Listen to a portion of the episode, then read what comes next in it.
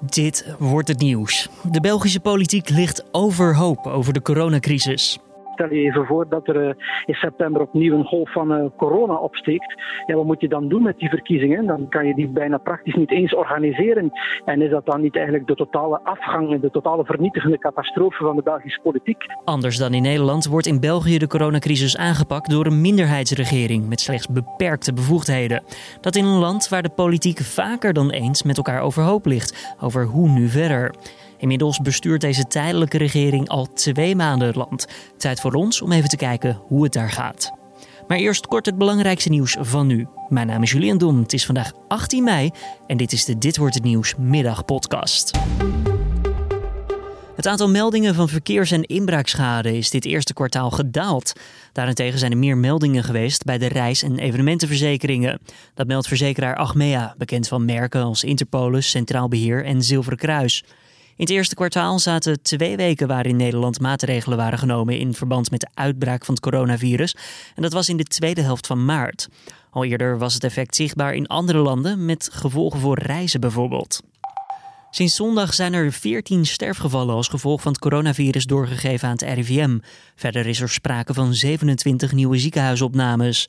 Uit cijfers van het RIVM blijkt dat dit de vierde keer in de laatste vijf dagen is dat er minder dan 30 doden gemeld worden.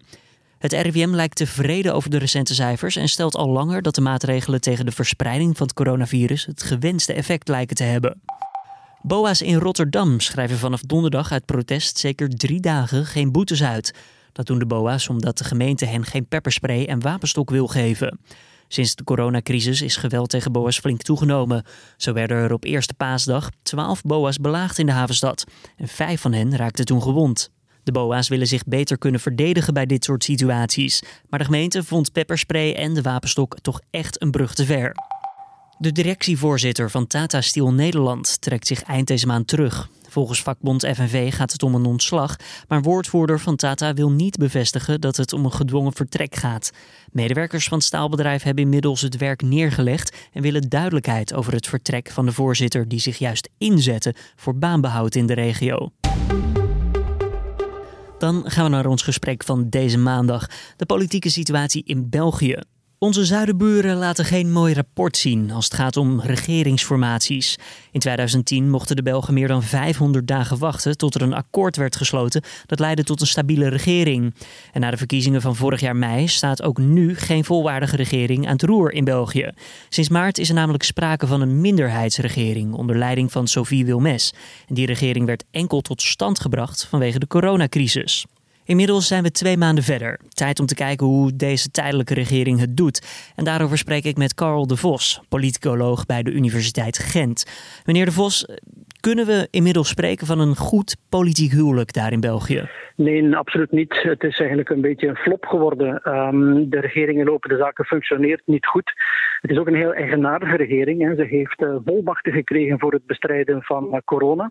Maar voor alle andere zaken is er geen eens een, uh, een regeerakkoord. En bovendien blijkt dat de tien partijen die de volmachten van deze regering willen steunen, dat die tien partijen het, dat die heel vaak met elkaar overhoop liggen. Dus iedereen zegt dat het zo snel mogelijk afgelopen moet zijn met deze regering Wilmes 2. En dat de, de volmachten die in twee fases tot september lopen, ja, dat de verlenging eind juni er niet zal komen. Met andere woorden, vanaf eind juni is de regering Wilmes uh, nog zwakker dan ze nu is. Hè. Dan is ze weer voor alle bevoegdheden, ook voor corona, in lopende zaken. En dat geeft toch aan dat de, de hoop die er was toen Wilmes 2 werd gelanceerd, dat die hoop helemaal verdwenen is. In die mate zelfs dat men nu hard werk maakt om er zeker van te zijn dat er in september een andere regering komt. Net omdat de regering Wilmes 2 niet functioneert. Wat, zijn wat is dan nu de echte kritiek op deze regering? Wat gaat er dan nu echt fout volgens de partijen? Wel, het is een beetje ingewikkeld. Wat dacht u? Dit is België. Hè. Er zijn uh, heel wat partijen die uh, de regering Wilmes uh, steun hebben verleend. N-VA niet. Hè. De grootste Vlaamse partij N-VA heeft de regering Wilmes niet gesteund, maar heeft wel de volmacht gesteund. Ehm, en dat zijn dus tien partijen die elke week op zaterdag zitten die voorzitters samen en die bespreken dan met de regering wat de regering in het kader van die volmachten met corona zal doen. En wat blijkt, ja, dat tijdens die zaterdagse superministerraden, zoals we dat noemen, dat er heel veel oneenigheid naar boven komt. Dat die tien partijen een andere visie hebben over ja, moet er, wat moet met het leven en de samenleving na corona gebeuren. En dat komt natuurlijk omdat deze regering die heeft geen regeerakkoord, hè, die heeft ook geen begroting. Er is eigenlijk geen kompas uh, waar je kan op richten om uit te stippelen wat die regering wel nu eigenlijk precies moet doen. Maar klopt het dat het dan ook een beetje daar ligt dat als een regering alleen maar volmachten krijgt om de coronamaatregelen toe te passen, ja, dan kan je toch verder niets? Absoluut. En ik heb uh, eigenlijk uh, toen die uh, constructie werd uitgedacht, midden maart, toen heb ik ook meteen gezegd: dit is een vreselijk onding, hè, dat, dat zal nooit werken. maar goed, heel wat politie hebben toen niet geloofd, omdat men dacht, men, hoopte eigenlijk dat als je met tien partijen samen corona bestrijdt, dat daar een soort van, ja, een soort van akkoord, een soort van vertrouwen uit zou groeien, die zou toelaten om ook, om ook een echte regering te worden. En dat blijkt helemaal niet het geval te zijn. Had ik ook voorspeld, en dat is ook zo helaas voor mijn land eh, zo ook uitgekomen. Maar eh, ja, als de partijen dan, die hebben dus nu kritiek, duidelijk. Um, maar waarom mhm. denken ze dan dat het in een nieuwe situatie dan beter zal worden? Want ja, als we naar het verleden kijken, daar is niet heel veel voor te zeggen. Nee, uh, er is uh, natuurlijk iets veranderd, uh, niet alleen in België, maar in de hele wereld. dat, die verandering heet corona. Toen midden maart die constructie werd uitgedacht, die dus nu niet blijkt te werken, hè, die, die, die volwaardige regering, die echt niet te volwaardig is, ja, toen wist men niet hoe erg corona zou worden. En dat is nu anders. En in ons land, zoals in vele andere landen, heeft de politiek ontzettend veel van de burgers gevraagd. Ze hebben ons gevraagd om onze verantwoordelijkheid te nemen, om burgers in te tonen enzovoort. Er is op dit moment een gigantische druk op de politiek om dan ook hun eigen verantwoordelijkheid te nemen en dat is een regering vormen. Een tweede element is, uh, er was een gigantisch begrotingsprobleem.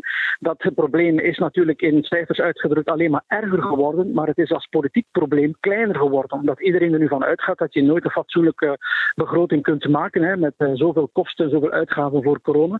Dus dat politieke geschil die die begroting in normale tijden vormt, ja, dat is nu, nu weg. En een derde element is, iedereen uh, noemt het een beetje een naoorlogse toestand een soort van relancebeleid dat je moet voeren met een regering van nationale eenheid. Ja. En het gevoel, het gevoel is er dat, dat nu, ja, wie nu aan de knoppen zit, dat uh, die partij nu toch een grote invloed zal hebben op hoe die naoorlogse, na-corona samenleving er voor een stuk zal uitzien. Dus, dus je voelt bij heel veel partijen de ambitie om toch maar mee aan die knoppen te zitten, om mee die post-corona samenleving vorm te geven. En als je dat combineert met de gigantische druk van de bevolking die er nu is, en als je weten dat dit een beetje ja, de poging van de laatste kans is. Hè, als men er niet in slaagt om tegen september, um, als de regering Wilmes helemaal afloopt.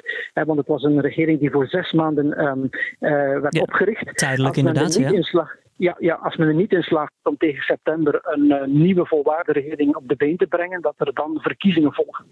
En uh, van die verkiezingen wordt gedacht, misschien is dat een foute verwachting, maar in elk geval leeft die veronderstelling heel sterk, dat die verkiezingen uh, maar twee winnaars zullen kennen. Dat zijn de radicaal-rechtse partij Vlaams Belang in Vlaanderen en de radicaal-linkse partij Partij van de Arbeid in Franstalig België. En dat zou betekenen dat er weer geen samenwerking kan plaatsvinden, neem ik ja, aan. Inderdaad. Ja, als je natuurlijk zegt, ja, we gaan na verkiezingen opnieuw proberen en die twee extreme partijen zijn alleen maar sterker geworden en voor, de, het over is er niks veranderd, ja, dan betekent dat dat uh, na verkiezingen in september het waarschijnlijk nog moeilijker zou worden dan nu een regering te vormen. Vandaar dat de druk natuurlijk vrij groot is om het dan nu toch maar te doen zonder die verkiezing, waarvan je bovendien moet afvragen op welke manier gaan we die organiseren. Hè? Stel je even voor dat er uh, in september opnieuw een golf van uh, corona opsteekt. Ja, wat moet je dan doen met die verkiezingen? Dan kan je die bijna praktisch niet eens organiseren. En is dat dan niet eigenlijk de totale afgang de totale vernietigende catastrofe van de Belgische politiek. Dus, dat klinkt uh, wel heel, heel extreem, uh, de totale catastrofe van de Belgische politiek. Ja, stel je voor hè, dat je dus totaal niet in slaagt om in een van de grootste naoorlogse crisissen, om daar een fatsoenlijke regering voor op de been te brengen die die crisis uh, moet managen.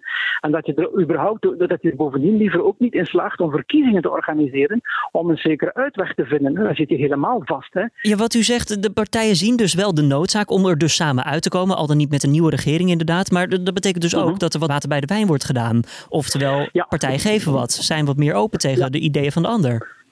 Ja, dat zal nu moeten gebeuren. Hè. Partijen zullen over hun eigen schaduw uh, moeten stappen, moeten zichzelf overstijgen. Uh, dat zeggen we al een hele tijd, maar het is uh, heel triest om het te moeten zeggen. Maar in België is zo stilaan een hele slechte traditie gegroeid. Dat is dat regeringsvorming nu eenmaal ontzettend lang duurt. En dat je nooit in het begin dingen toegeeft, dat je nooit snel een compromis sluit, want anders heb je dat veel te snel gedaan. de verwachting is dat je toch een pakweg een jaren over doet om een regering te maken. En dat je dus dat eerste jaar niet veel beweegt. En dat is een beetje het gevolg van het feit dat uh, de laatste tijd de regeringsvorming in ons land zo lang duurt. Het wil wel iets zeggen hè, als ik u vertel dat uh, als je kijkt wat zijn de vijf langst durende regeringsvormingen in de Belgische geschiedenis, wel, daar zitten de laatste vier bij. Hè. De huidige regeringsvorming is de tweede langstdurende. De langste was uiteraard het wereldrecord na de verkiezing van 2010. Maar dus in de top vijf van de langstdurende regeringsvormingen in België, daar zitten er vier meest recente tussen. Dus dat wil zeggen dat we stil aan een traditie uh, hebben van heel erg langdurende formaties. En dat partijen dus als gevolg daarvan veel te lang wachten om, uh, ja, om dat compromis te uh, zoeken. En nu lijkt het moment gekomen, hopen we, om dat vooralsnog te doen. Is de Belgische bevolking niet helemaal klaar met dit politieke ge gerommel, om het zo maar even te noemen? Willen zij niet gewoon een regering die daar staat en die besluiten neemt zodat het land vooruit kan? Absoluut, eh, de, de Belgen zijn het uh, spuugzat. Het vertrouwen in de politiek is heel sterk gezakt. Het uh, was al heel laag na de verkiezingen van 26 mei vorig jaar. En uit allerlei peilingen na die verkiezingen blijkt dat het vertrouwen nog meer gezakt is. De antipolitiek komt heel sterk naar boven. Nu, op dit moment hebben mensen natuurlijk geen tijd om zich over politiek te ergeren. Want iedereen is bezig met, met samenleven met corona. dus op dit moment voel je dat wat minder. Maar um, ja, als je peilt onder de bevolking Mensen zijn het spuugzat. Uh, natuurlijk zijn de Belgen uh, een en ander gewend. Hè. Als je al zoveel verkiezingen na elkaar ja, zoveel tijd nodig hebt om een regering te vormen. Ja, in een ander gemiddeld gezond land zou de bevolking wellicht nu al doodongerust worden. Maar bij ons is er ook heel veel cynisme. In 2010 heeft het 541 dagen geduurd vooraleer er een Belgische regering was. En zolang je niet ergens in de 400 zit, dan zeggen mensen, ja, waar, waar maken we ons druk om? Hè? Ja, maar daarom, als je alleen maar ellende kent, dan weet je niet hoe geluk eruit ziet, toch? Ja, dat kennen we wel nog. Uh, dat kennen we wel nog. Uh, we hebben natuurlijk ook in dit land, het is een federaal land, hebben nog een hoop andere regeringen die wel functioneren. Hè. Al de regeringen op het deelstatelijk niveau, Vlaams, Waals, Brussels, Duitsstalige regering enzovoort, die functioneren wel. Hè. Er is natuurlijk maar één beleidsniveau, het federale, dat nu in de coronacrisis ja, heel erg belangrijk is. Dus uh, het is een beetje zout in de wond. We voelen allemaal hoe pijnlijk het is.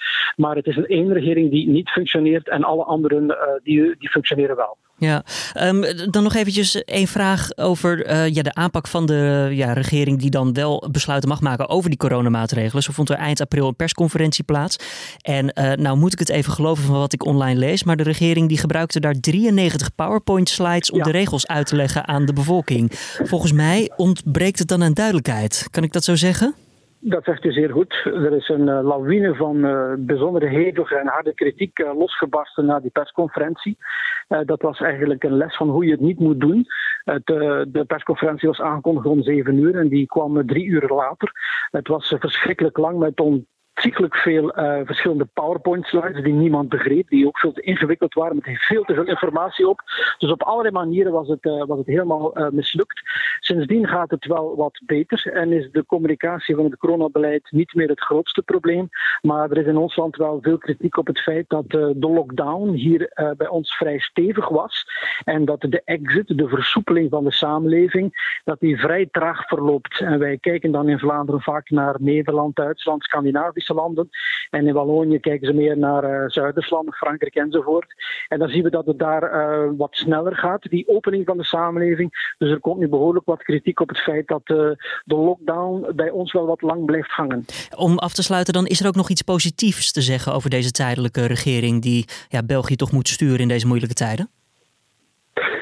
Ze heeft natuurlijk een aantal noodmaatregelen genomen. Hè. De lockdown, um, ja, het, uh, het, voorzien van uh, testcapaciteit en beschermingscapaciteit. Dat was allemaal vaak uh, too little too late. Maar het is er dan toch wel van gekomen. Het is niet zo dat de regering alleen maar tomaten over zich heen krijgt als het over het coronabeleid gaat. Het zijn, er zijn best ook wel wat complimenten. de Belgische cijfers die ogen internationaal heel slecht. Maar dat komt omdat wij hier heel veel uh, sterfgevallen doden meerekenen in die cijfers. Dus het beleid wat de prestaties betreft uh, ja, is, niet, is niet vreselijk slecht. En dat is voor een stuk ook wel de verdienste van de regering, die heel snel ja, virologen, wetenschappers naar zich heeft genomen om zich te laten adviseren. Dus er zijn zeker ook wel complimenten te geven, maar het globale oordeel is eerder negatief. Het is niet zo dat de regering Wilmens II, de noodregering, dat die de geschiedenis ingaat als een uh, heel succesvolle crisisregering. Uh, Integendeel, het is een regering waar iedereen zo snel mogelijk van af wil. Carl de Vos hoorde je daar, politicoloog bij de Universiteit van Gent. Dan het weerbericht nog eventjes. De temperatuur die lag deze maandag tussen de 16 graden aan zee en 23 graden in het zuidoosten. Komende nacht krijgen we weer wel wat wolkenvelden boven het land met soms wat regen aan de kust. Het wordt niet kouder dan een graad of 8 en morgen opnieuw veel zon met later op de dag wat stapelwolken. We sluiten nog even af met wat Formule 1 nieuws. De organisatie achter de Formule 1 is namelijk flink aan de racekalender aan het sleutelen vanwege de wereldwijde coronamaatregelen.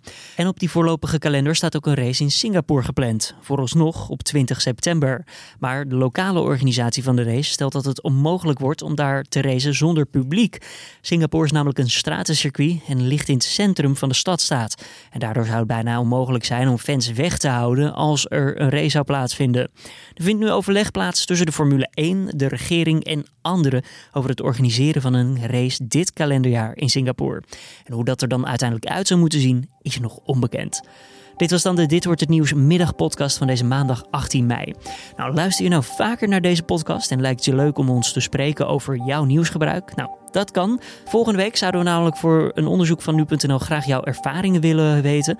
En mocht je dat leuk lijken, dan kan je eventjes mailen naar ariapenstaartje.nu.nl of podcastapenstaartje.nu.nl. Dan sturen wij het gewoon door naar de desbetreffende persoon. En dan kom je zodoende in contact met het onderzoek. Heb je verder tips of feedback voor ons? Voor gewoon de dagelijkse podcast, dan kan je dat ook naar ons mailen via podcastapenstaartje.nu.nl. Ik wens je voor nu een fijne maandag. Mijn naam is Julian Dom en morgen morgenochtend ben ik er weer.